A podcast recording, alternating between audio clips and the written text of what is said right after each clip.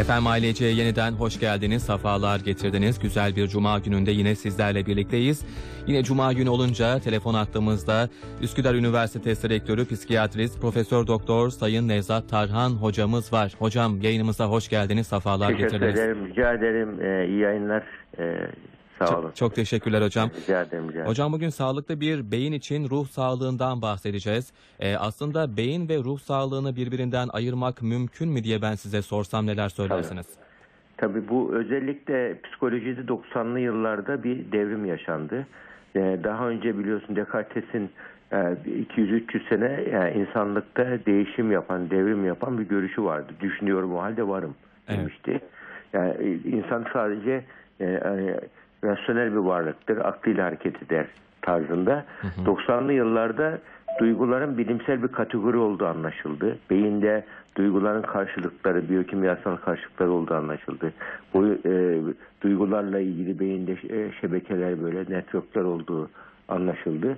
E, bundan sonra da 20 e, 21. yüzyılla birlikte e, e, insan beyninin sadece e, akıl organı değil, sadece duyu organı değil, aynı zamanda inanç organı olduğu şimdi anlaşıldı. Evet. Yani bir insan inandığı bir şeyi bilgisayarın enter tuşuna bastığı zaman, bastığı zaman gibi inandığı zaman beyin onu kabul ediyor. Kalıcı bilgi dosyasına yazıyor. E, bu e, inanmadığı bir konuyu e, o bi- o bilgiyi e, geçici e, onaylanması gereken bilgiler diye muhafaza ediyor.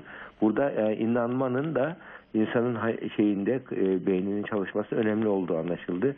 Bütün bu çerçevede baktığımızda ruh sağlığı dediğimiz duygu, düşünce, davranış üçgeninin beyinle çok beynin kaynaklık yaptığı durumlar veyahut da beynin aracılık yaptığı durumlar olduğu anlaşıldı. Ruh sağlığı eşittir beyin sağlığı e, diyoruz artık şu anda ha. o konuda yani birçok böyle e, ezber bozucu bir şey de olsa insanı sanki bir sadece bir madde indiriyoruz gibi olsa beyin sağlığı diyoruz çünkü ya peki beynimizin üstünde bir ruh yok mu? Bu soru Hı hı. burada. Evet, Ee, evet. Ona da veriyorum.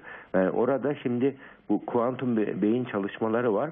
Yani insan bir karar verdiği zaman bir, bir bilgi geliyor, uygun uygun değil, geçerli geçerli değil, güvenli güvenli değil, doğru doğru değil. Her an karar veriyoruz. Onun için hayat bir tercih diyoruz. Karar veriyoruz. Bu kararlar içerisinde e, beyin bir karar verdikten 300 milisaniye sonra beyinde aksiyon potansiyeli başlıyor. Yani o halde karar veren beynimizin üzerinde başka bir beyin var.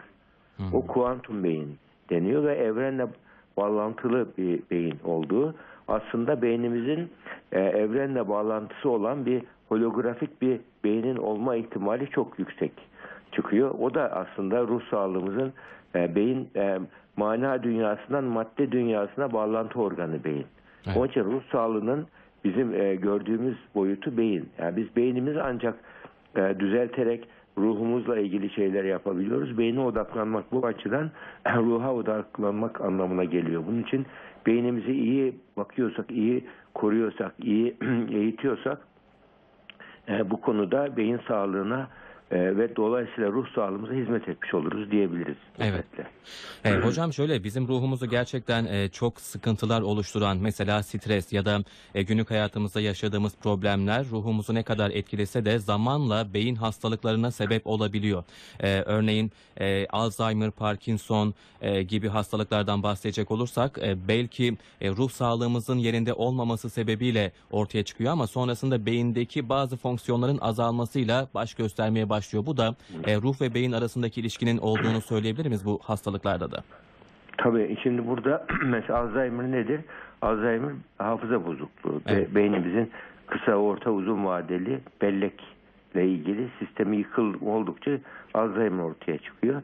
Yani Alzheimer'ın ileri safhasında kişi, kişi kendi kimliğini bile unutuyor. Kendi kim olduğunu bile unutuyor. Ben Gata'da görevliyken hiç unutmam böyle bir kor general vardı. Aynanın karşısına geçiyordu. Ki, emredersiniz komutanım diye selam veriyordu. Ama kişi kendi adını unutmuş. Kendisini başkası zannediyor. Hı hı. Kendi kimliğini unutmuş ama e, askerlikten aldığı bilgileri unutmamış. Yani kendi kimliği daha önce öğrenilmiş bir bilgi. Hı. Fakat askerlikten öğrendiği bilgiler daha sonra öğrenilmiş bilgiler. Doğru. Ama askerden öğrendiği bilgiler onun için daha önemli bilgiler.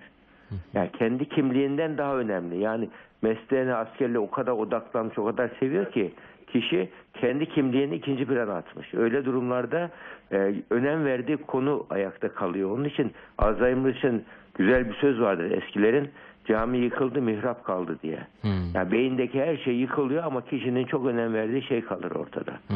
Yani Alzheimer böyle bir hastalık. Ha, Bir insan mesela negatif, aksi bir kişiye ihtiyarsa her şeyi kaybeder ama kötü kriz böyle aksi huyları devam eder. Böyle e, şey bir zor bir Alzheimer olur. Ama ya böyle hep iyilik yapan, içinde güzellik olan bir insansa Alzheimer halinde bile sevimlidir, sıcaktır. İnsanları incitmez, yük olmaz. Yani o, o özellikler kalır. E, bu Alzheimer Alzheimer bu nedenle beyindeki yazılımın e, beyindeki network'ün bozulmasıyla ilgili hatta Alzheimer ile ilgili şöyle bu aynı zamanda beyin sağlığı açısından da bize ipucu oluyor. Bir matem- e, matematik profesörü e, San Francisco'da yaşayan bir gün şeye gidiyor. Ya ben diyor biraz unutkan oldum. Satranç oynarken 8 hamle ilerisini hesap ederdim. Şimdi ancak 5 hamleye kadar hesap edebiliyorum diyor. Bir nöroloğa gidiyor. Testlerden geçiriliyor filan. Sen o testlere göre senin yaş ortalamana göre gayet sağlıklısın. Alzheimer senin belir diye e, Alzheimer'la ilgili hiçbir belirti yok. Sağlıklısın diyorlar ona ilaç vesaire vermiyorlar. Fakat ilginç bir şey oluyor bir kaza yaşıyor kişi. Otopsi yapılmak gerekiyor. Beynini bir açıyorlar ki beyni Alzheimer plağı dolu. Hmm. Yani kişinin beyninde Alzheimer plağı var fakat e, kişide hiç Al- Alzheimer belirtisi yok. Hmm. Ondan sonra bu tartışılıyor diyor ki bu kişi e, matematikçi böyle aktif öğrenme dediğimiz öğrenme modelini uygulayan bir kişi. Hatta ondan sonra bu aktif öğrenmeyi 21. yüzyıl becerisi deniyor. Aktif öğrenmede nedir kişi?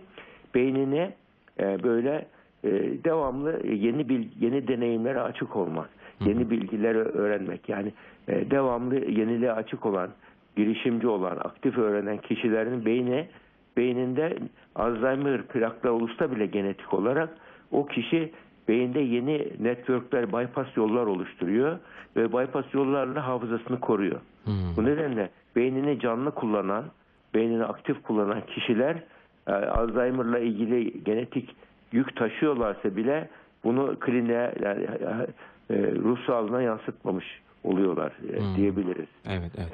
E, hocam sizin e, yazılarınıza baktığımda, röportajlarınıza baktığımda yine e, Alzheimer'dan bahsetmişken e, vücudumuzda check-up yapıyoruz ama beynimizde de check-up yapabilirsiniz e, gibi Evet. bir ifadeniz var. Bunu da biraz Tabii. anlamlandırabilir miyiz?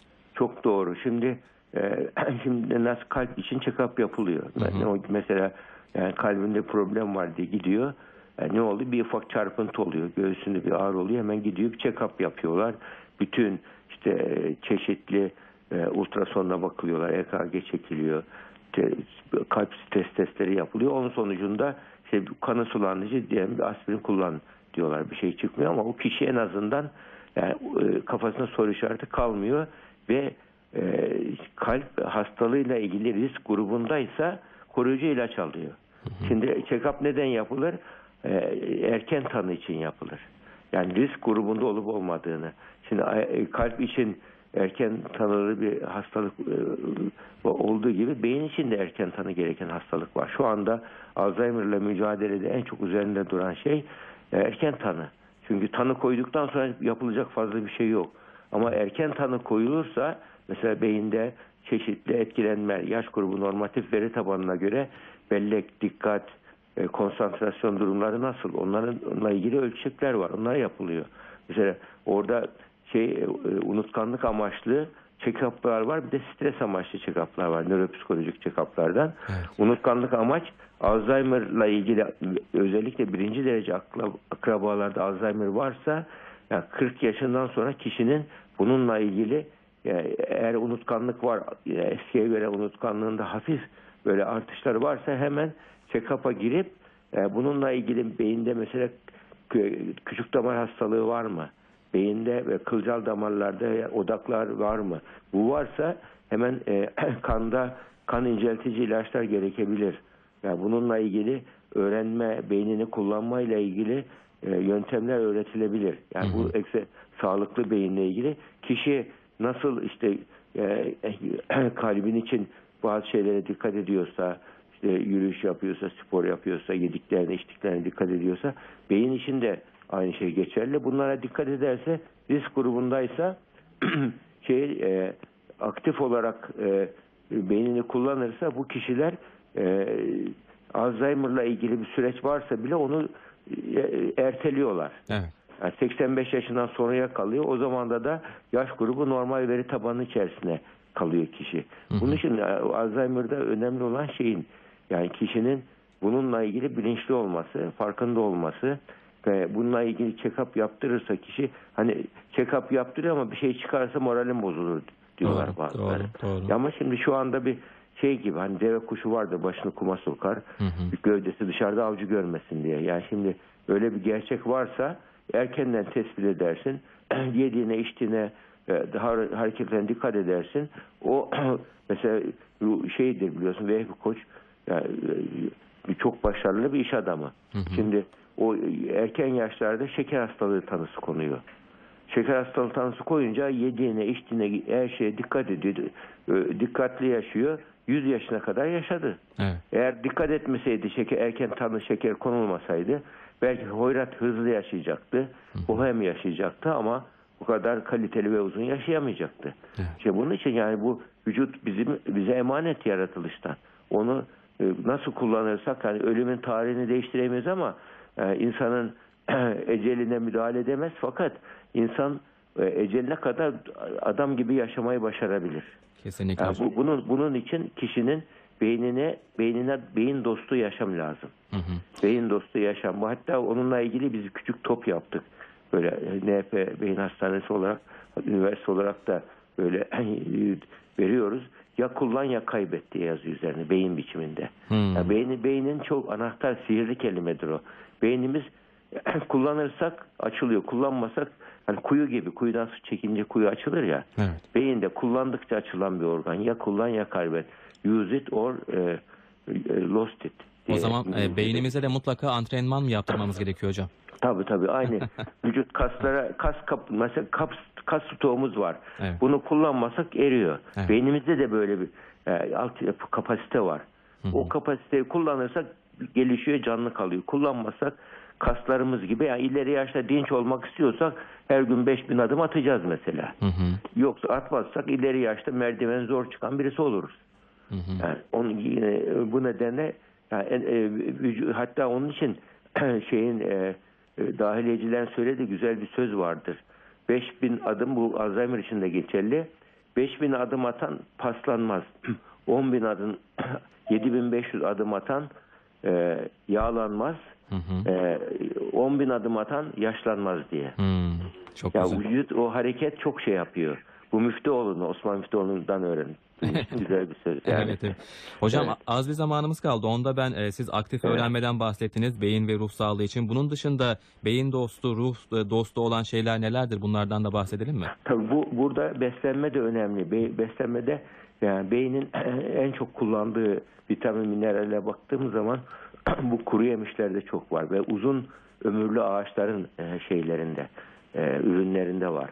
Mesela zeytin bunlardan, incir de öyle, badem öyle, ceviz öyle. Yani bunlarda e, d- yani her an her gün az az bak. Çok Oturup da bir kilo incir yem- yemeyeceğiz tabii ki. Tabii. Ama her gün bir iki tane az az böyle yediğimiz zaman bu kuruya uzun ömürlü ağaçların e, ürünlerinden o birçok vitamin, mineral, oligo element e, ihtiva ediyor. Onlar e, beynimizdeki altyapıyı çalıştırıyor. Mesela D vitamini de öyle. Bizim yani güneş alan bir e, ülkedeyiz ama D vitamini hep düşük çıkıyor. Çünkü kapalı yerde fazla yaşamayı seviyoruz.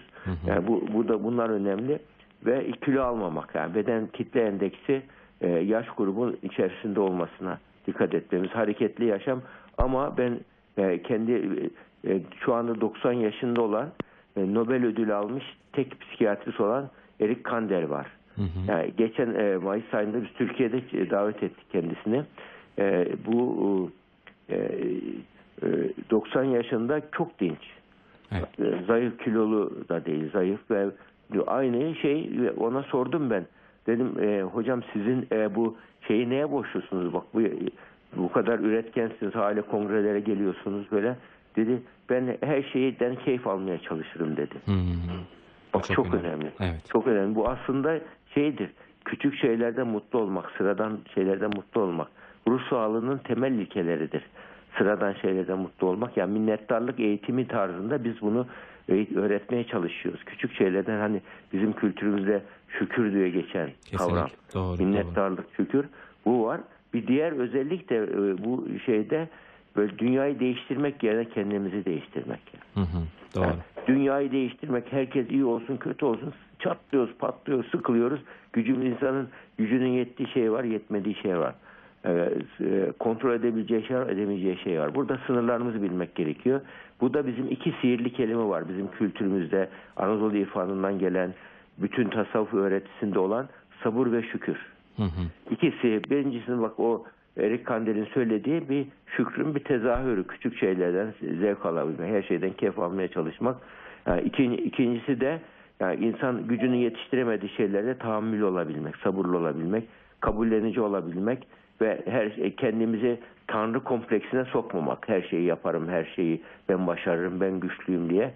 Tanrı kompleksi dönüyor ona. Omnipotent güçlü, tam güçlü duygular. Bu, bu kişiler de hep stresli oluyorlar. Hep başarmalıyım, hep önde olmalıyım, hep iyi, en iyi olmalıyım. Bu kişiler beyinlerine yani başarılı oluyorlar ama bir noktada duvara tosluyorlar. Yani onun için kabullenici, elinden gelen her şeyi yapıp kabullenici olabilmek çok önemli. Bunu diyebiliriz. Evet hocam. Hocam çok teşekkürler. Sağ Rica olun. ederiz, rica Ağzınıza ederim. sağlık. Biz de sizi dinlediğimiz için şükrediyoruz bugün de. Estağfurullah, çok sağ olun tekrar. Güzel Kolay gelsin hocam. Sağ olun, sağ Görüşmek olun. üzere. Rica ederim. Hoşçakalın. Üsküdar Üniversitesi Rektörü Psikiyatrist Profesör Doktor Sayın Nevzat Tarhan hocamız bizimle birlikteydi. Kendisiyle sağlıklı bir beyin ve ruh sağlığından bahsettik. Şimdi e, bir müzik dinleyeceğiz sonrasında ailece devam edeceğiz.